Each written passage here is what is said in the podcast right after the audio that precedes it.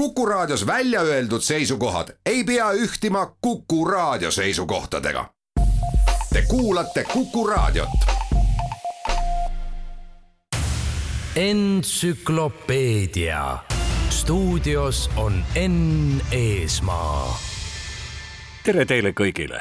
entsüklopeedia kuuldeseriaal on jõudnud teemani, millest oleks lausa kohatu teha vaid üks saade, seda rohkem, et siinkohal on põhjust isegi väikeste juubelite tähistamiseks, kaheksakümmend ja kuuskümmend ju seda isegi ilma eriliste põhjendusteta võimaldaks. tänane teemafookus on kindlasti nii mulle, kuid usun, et suurele osale ka minu eakaaslastest eriliselt lähedane, sest nii või teisiti kuulume ju Beatlesite põlvkonda ja oleme sellepärast, kui mitte just uhked, siis igatpidi rahul kindlasti Beatlesitest võiks oskuse ning tahte korral teha kümneid erilaadseid ning ometi veenvaid saateid. minu valik ning kaks järgnevat kuulderännakut on alljärgnevad. loodetavasti jääte rahule.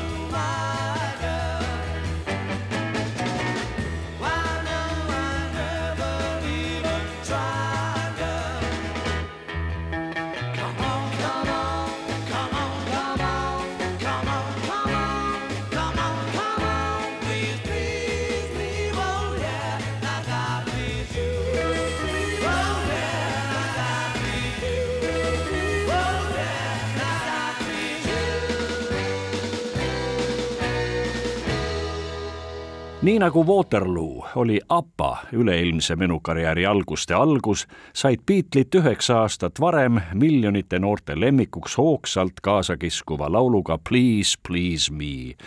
ei läinudki kuigi kaua aega, mil poodidesse jõudsid uue Liverpoolist pärit särava ansambli The Beatles esimesed kauamängivad heliplaadid, mis loogiliselt kandsid juba tuttavaks saanud sama nime Please, please me märtsis sai osta plaadi mono, kuid juba aprillis tuhat üheksasada kuuskümmend kolm ilmus tuhandetesse kodudesse Please, please me stereona. plaadistati Abbey Roadi stuudios ning juba siis oli produtsendiks George Martin, heldeke täna on sellest ajast mõne kuu võrra rohkem kui kuuskümmend aastat. kui keegi küsiks, et mida või keda tähistab kaheksakümmend, siis tänavu veebruaris oleks täpselt nii vanaks saanud Beatlesite noorim liige George Harrison.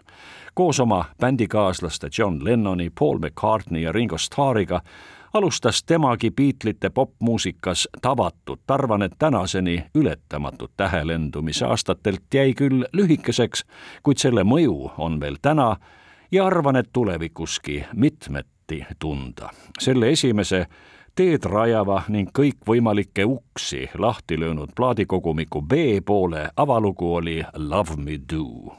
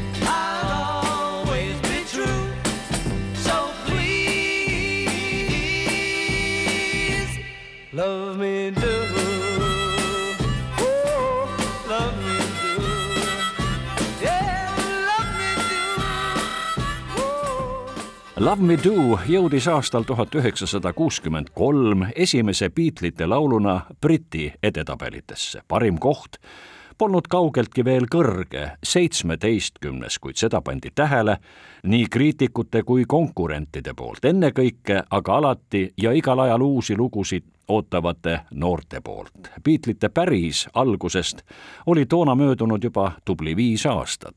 ent kuidas algust mõõta?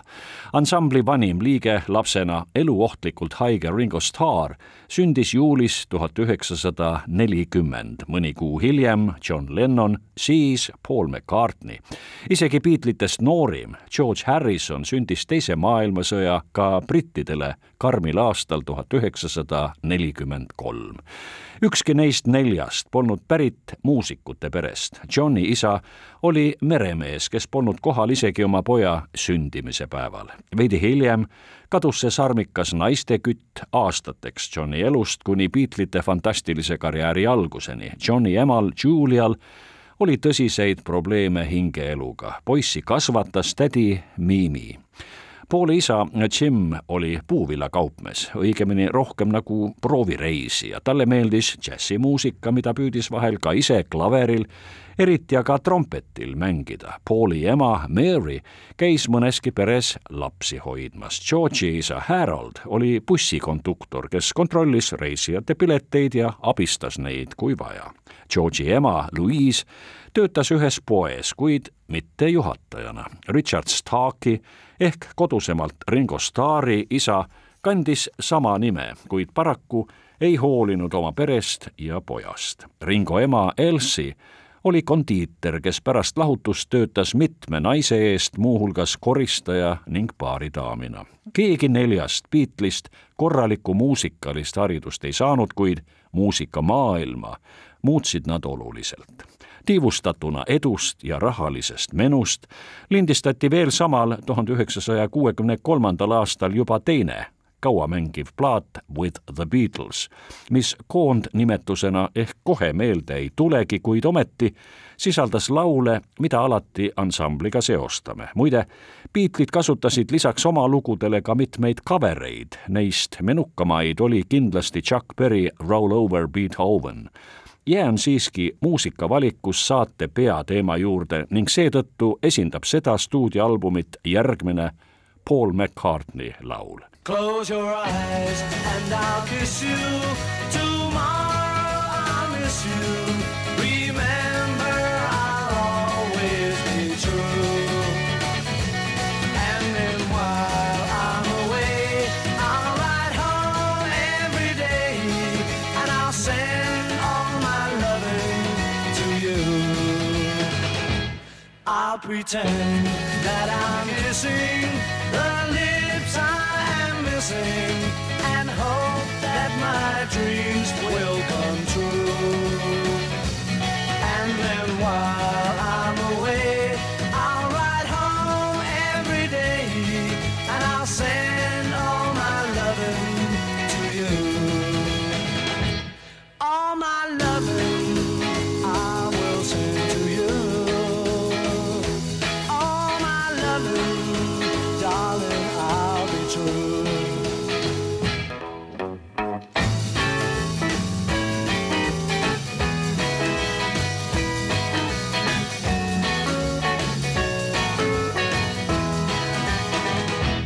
Close your eyes and I'll kiss you.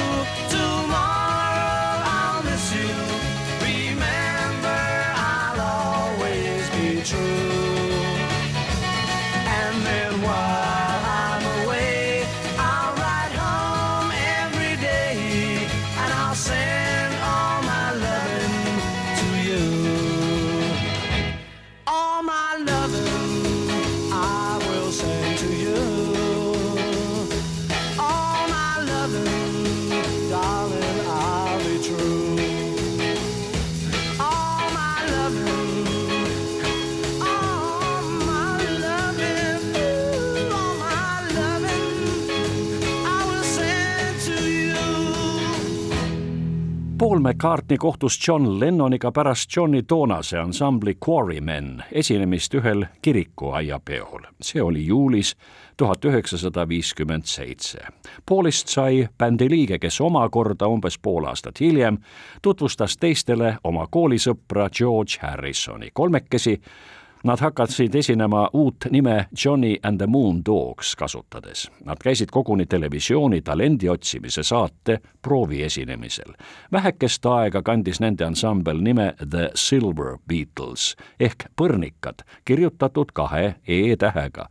aastal tuhat üheksasada kuuskümmend liitus bändiga stiilne ja andekas tütarlaste lemmik Stewart Sutcliffe, kes suuresti mõjutas Johni koos nad mõtlesid, mis nime nende ansambel kanda võiks, kuna kõigile meeldis Buddy Holly ja tema ansambel The Crickets, ritsikad, tulid poisid mõttele, et võtakski õige nimeks põrnikad, kuid uudsuse mõttes otsustati muuta selle sõna kirjapilti. nii asendati Johni ettepanekul teine E A-ga, mis vihjas sõnale beat ning The Beatles oligi esialgu vähemalt vormiliselt valmis maailma vallutama paraku suri šotlasest maalikunstnik ja Beatlesite esimene basskitarrist paari aasta pärast ajuverejooksu tagajärjel. ja oli veel üks mees, kes mängis algaastatel Beatlesite koosseisus, see oli trummar Pete Best, keda sageli on samuti kui Stewart Sutcliffe'i nimetatud viiendaks Beatles'iks. paraku ei pidanud ta algaastate meeletule töötempole ja mis seal pattu salata, ka Beatlesite üle võlli pidudele vastu. Pete Best lahkus pea viimasel minutil enne bändi maailmakuulsuse koidikut või oli see siiski nii, et ta pidi ära minema, sest jäi teistest oma tasemelt maha. igal juhul mängis Pete Best mõni aeg kaasa veel Beatlesite Saksamaa ringreisi ajal. ansambli jaoks oli aasta tuhat üheksasada kuuskümmend kaks murranguline. algas see küll ootamatu ebaõnnestumisega plaadifirma Decca prooviesinemisel, mida Decca ilmselt tänagi veel kahetseb. poistele öeldi muuhulgas ära põhjusel, et kitarriansamblite populaarsus oli Decca otsustajate arvates langustrendis OMG. Samal ajal sai bändi mänedžeriks Brian Epstein, kes rääkis Beatlesitele välja salvestussessiooni plaadifirmas EMI, kus bändiga tegi esimest korda koostööd produtsent George Martin. augustis tuhat üheksasada kuuskümmend kaks istus Pete Besti asemel väidetavalt just Martini soovitusel trummide taha Ringo Starr. ansambli Staaritee võis alata. laul Please Please Me saavutas järgmise aasta alguses Briti edetabelis esikoha ning mitte pelgalt ühes, vaid koguni neljas edetabelis. esimesena Suurbritannias jõudis miljonilise läbimüügini Beatlesite teine stuudioalbum With the Beatles, millel kõlab ka see üldtuntud menulugu John Lennoniga juhtlaulja rollis. It won't be long, yeah,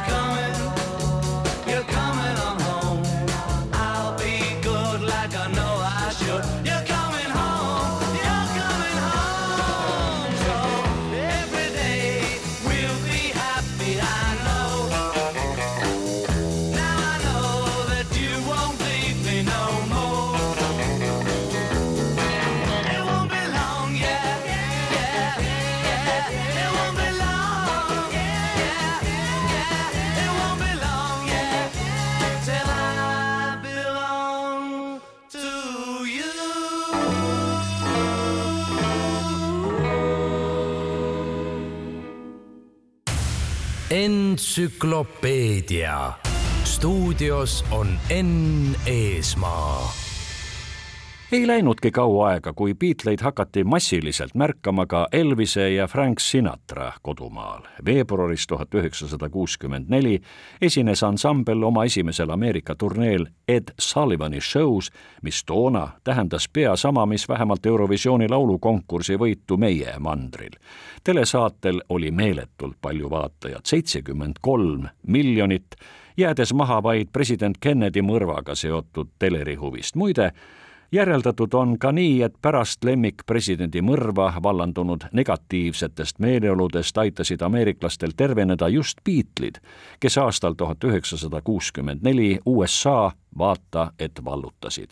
samal ajal jõudis nüüd juba miljonite kuulajateni Beatlesite kolmas stuudioalbum A Hard Day's Night ning mis vaata et veelgi tähtsam, kinodes sai oma lemmikuid näha ja imetleda sama nime kandvas Beatlesite debüütfilmis. muuhulgas andis see aimu, mida tõelistele superstaaridele tähendab kuulajate siirast vaimustusest sündinud eluohtlikult kätele voli andev kallale-kippuv ja riideid rebiv tähelepanu It's been a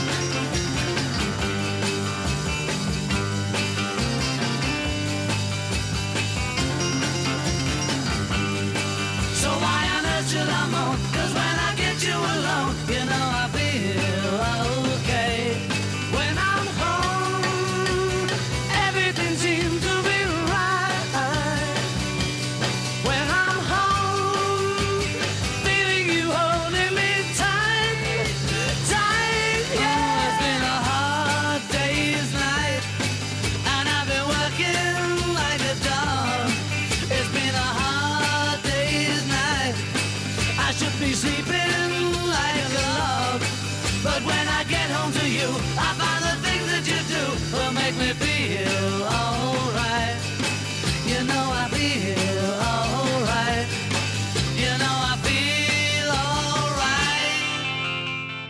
lühikeseks jääks nimekiri riikidest, kus see kauamängiv heliplaat poleks edetabelite tippu jõudnud. Soome loomulikult nende hulka ei kuulunud. sama õnnelik saatus tabas ka tuhande üheksasaja kuuekümne neljandal aastal ilmunud heliplaati Beatles for sale.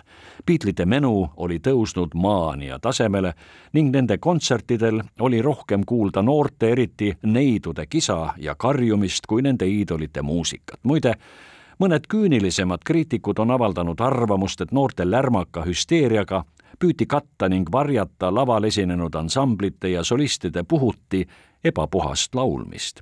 ebaloogiline see kisa ja karjumine ju tegelikult oli. pileteid Beatlesite kontsertidele oli raske saada, need maksid üsna palju miks siis selle asemel, et kinnisilmi nautida ja mõnuleda oma lemmikute lugusid kuulates, tõusti oma istmetel püsti ning tõsteti taevani hüsteeriline lärm, millest isegi militaarbändil olnuks võimatu üle mängida. ilmselt hakkas juba siis Beatlesite seas levima arvamus, et staadionkontsertide aeg hakkab ümber saama muuhulgas kasvas oluliselt nende töömaht, mistõttu ühe mainitud plaadi tuntuma laulu nad pealkirjastasidki Eight Days a Week.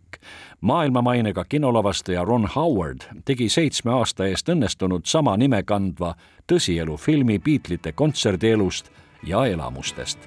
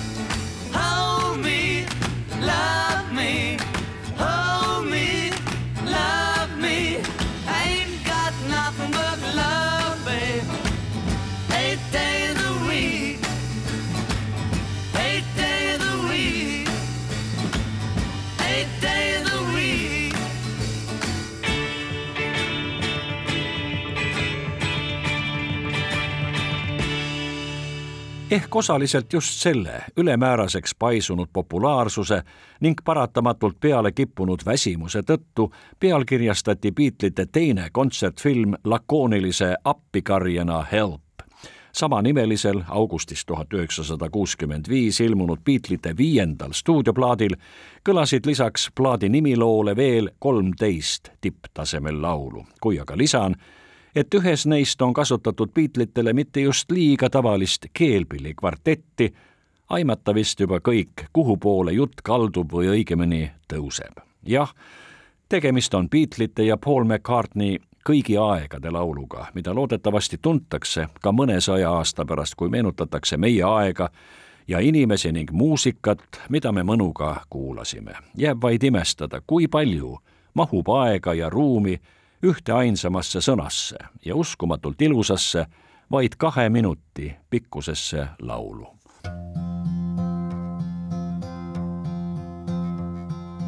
yesterday. All my troubles seem so far away. Now it looks as though they're here to stay. Oh, I believe in yesterday. Suddenly, I'm not half the man I used to be. There's a shadow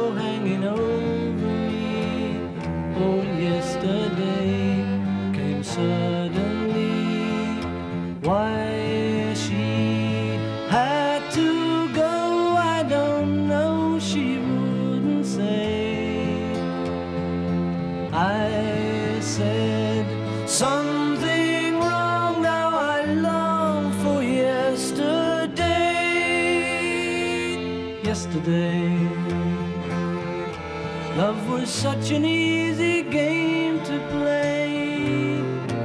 I need a place to hide away. Oh, I believe in yesterday. Why she had to go, I don't know. She wouldn't say. I said, some.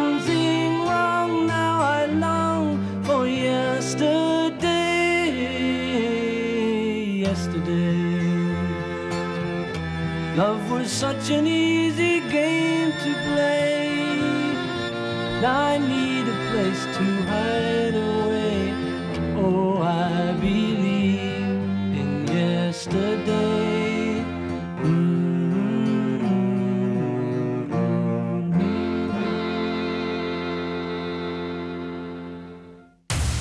entsüklopeedia.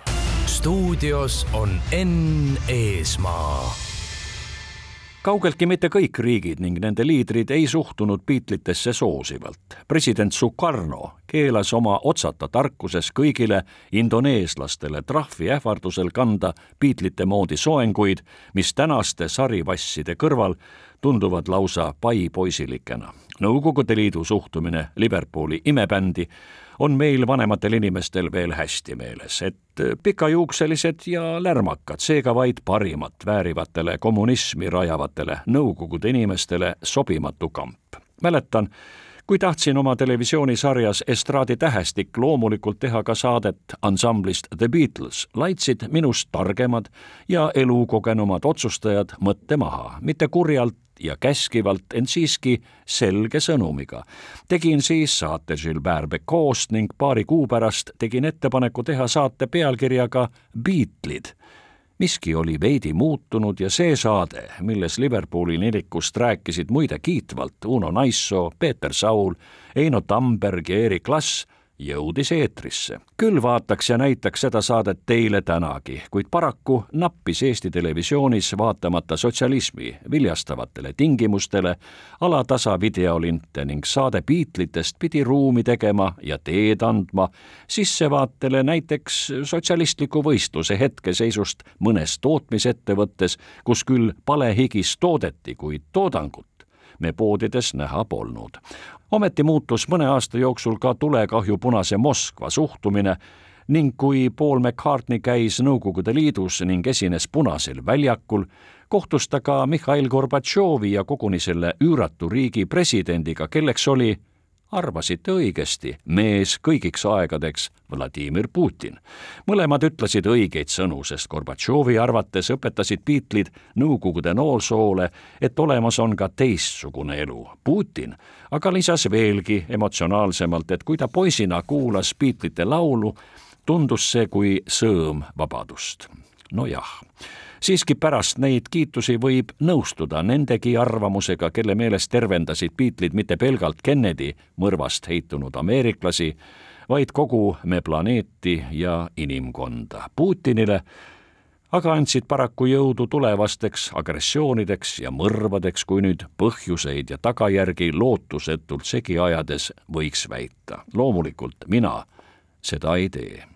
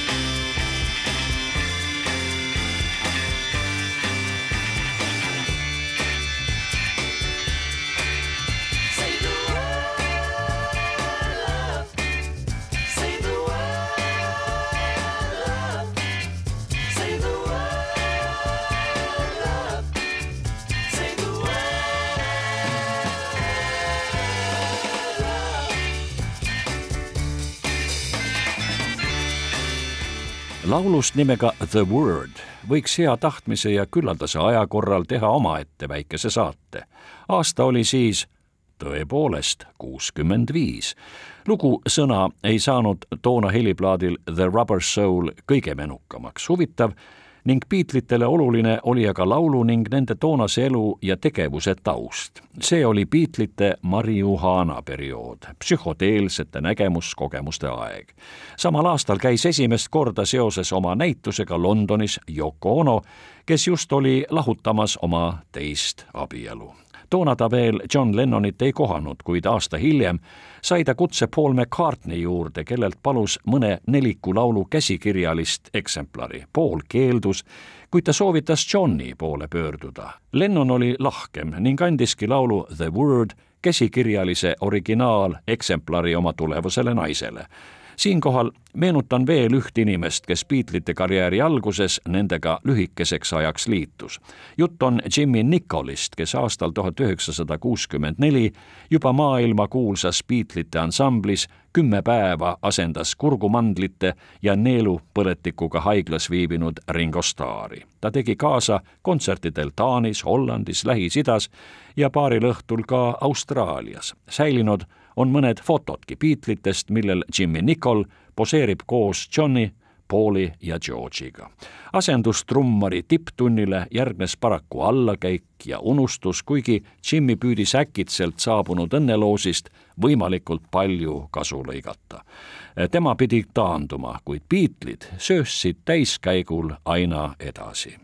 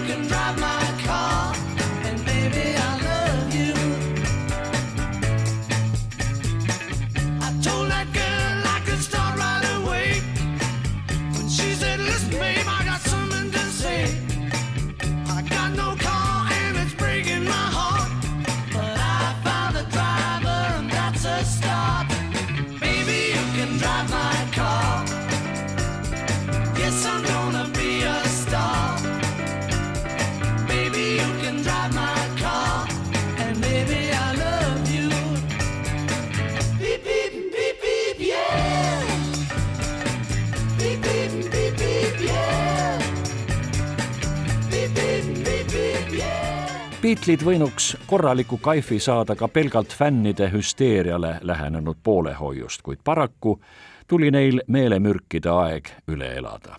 Õnneks on masside massiivsel poolehoiul ka meeldivaid külgi.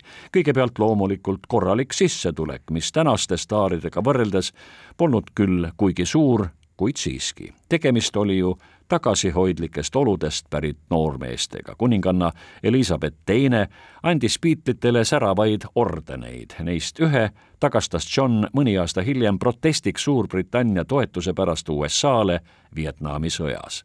sellest ajast alates kujunes Johnist ühiskonnakriitiline kodanik ja muusikageenius, kelle mõned laulud on tänaseni kõigile teisiti või õigemini õigesti mõtlejatele meelepärased. Beatlesite ülikiire tõus ja meeletu menu andsid Liverpooli nelikule ainest sisekaemuseks. juba aastal tuhat üheksasada kuuskümmend viis lõpetasid nad oma ringreisid Suurbritannias. sama aasta augustis kohtusid nad Elvis Presley'ga. kõik toimus kenasti ja viisakalt, kuid viis aastat hiljem andis Elvis nii Valges Majas kui pisut hiljem FBI Washingtoni hoones viibides ootamatult ja teenimatult sapiseid lausungeid Beatlesite kohta. või kuidas teisiti aru saada rokikuninga arvamusest, mille kohaselt Beatlesid olid oma vaimulaadi poolest selgelt Ameerika vastased. Elvis ütles, et Beatlesid tulid Ameerikasse, ajasid raha kokku ja naasid siis Inglismaale, kus nad Ameerikat maha tegid.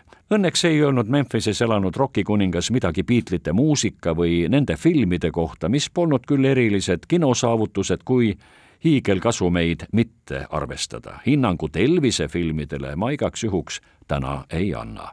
hoopis parem oli Beatlesite läbisaamine nende suurima konkurendi ansambli The Rolling Stones liikmetega. sageli pidasid nad koos pidu. kui lugeda Beatleid lähedalt tundnud ja näinud inimeste meenutusi, hämmastud, kui sageli nii Mick Jagger kui ka Brian Jones nende ülivõimsate rivaalide Liverpooli nelikuga läbi käisid. Mick istus stuudios ja laulis kaasa koguni Beatlesite ühel tähetunnil, mil üle kolmesaja miljoni inimese planeedil Maa jälgis nende uue laulu All you need is love esiettekannet, kuid ometi läks Mick Jagger alati Paul McCartney juurde, mitte vastupidi.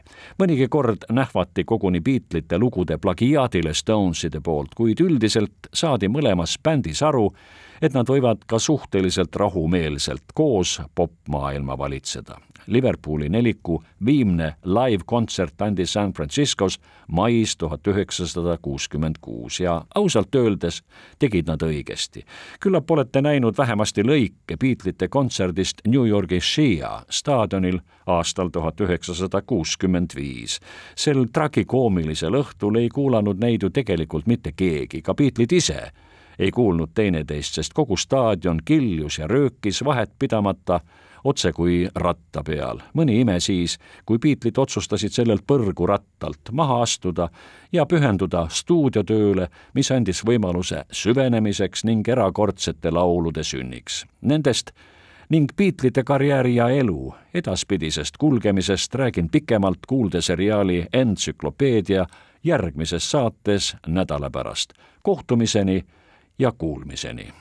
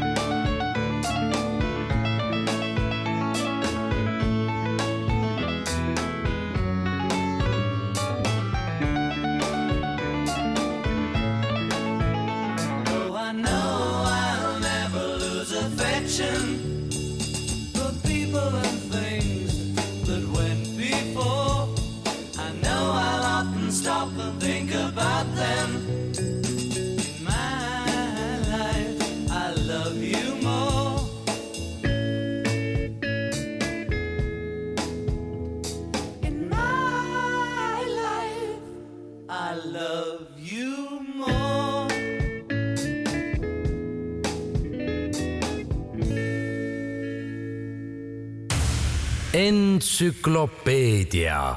Stuudios on Enn Eesmaa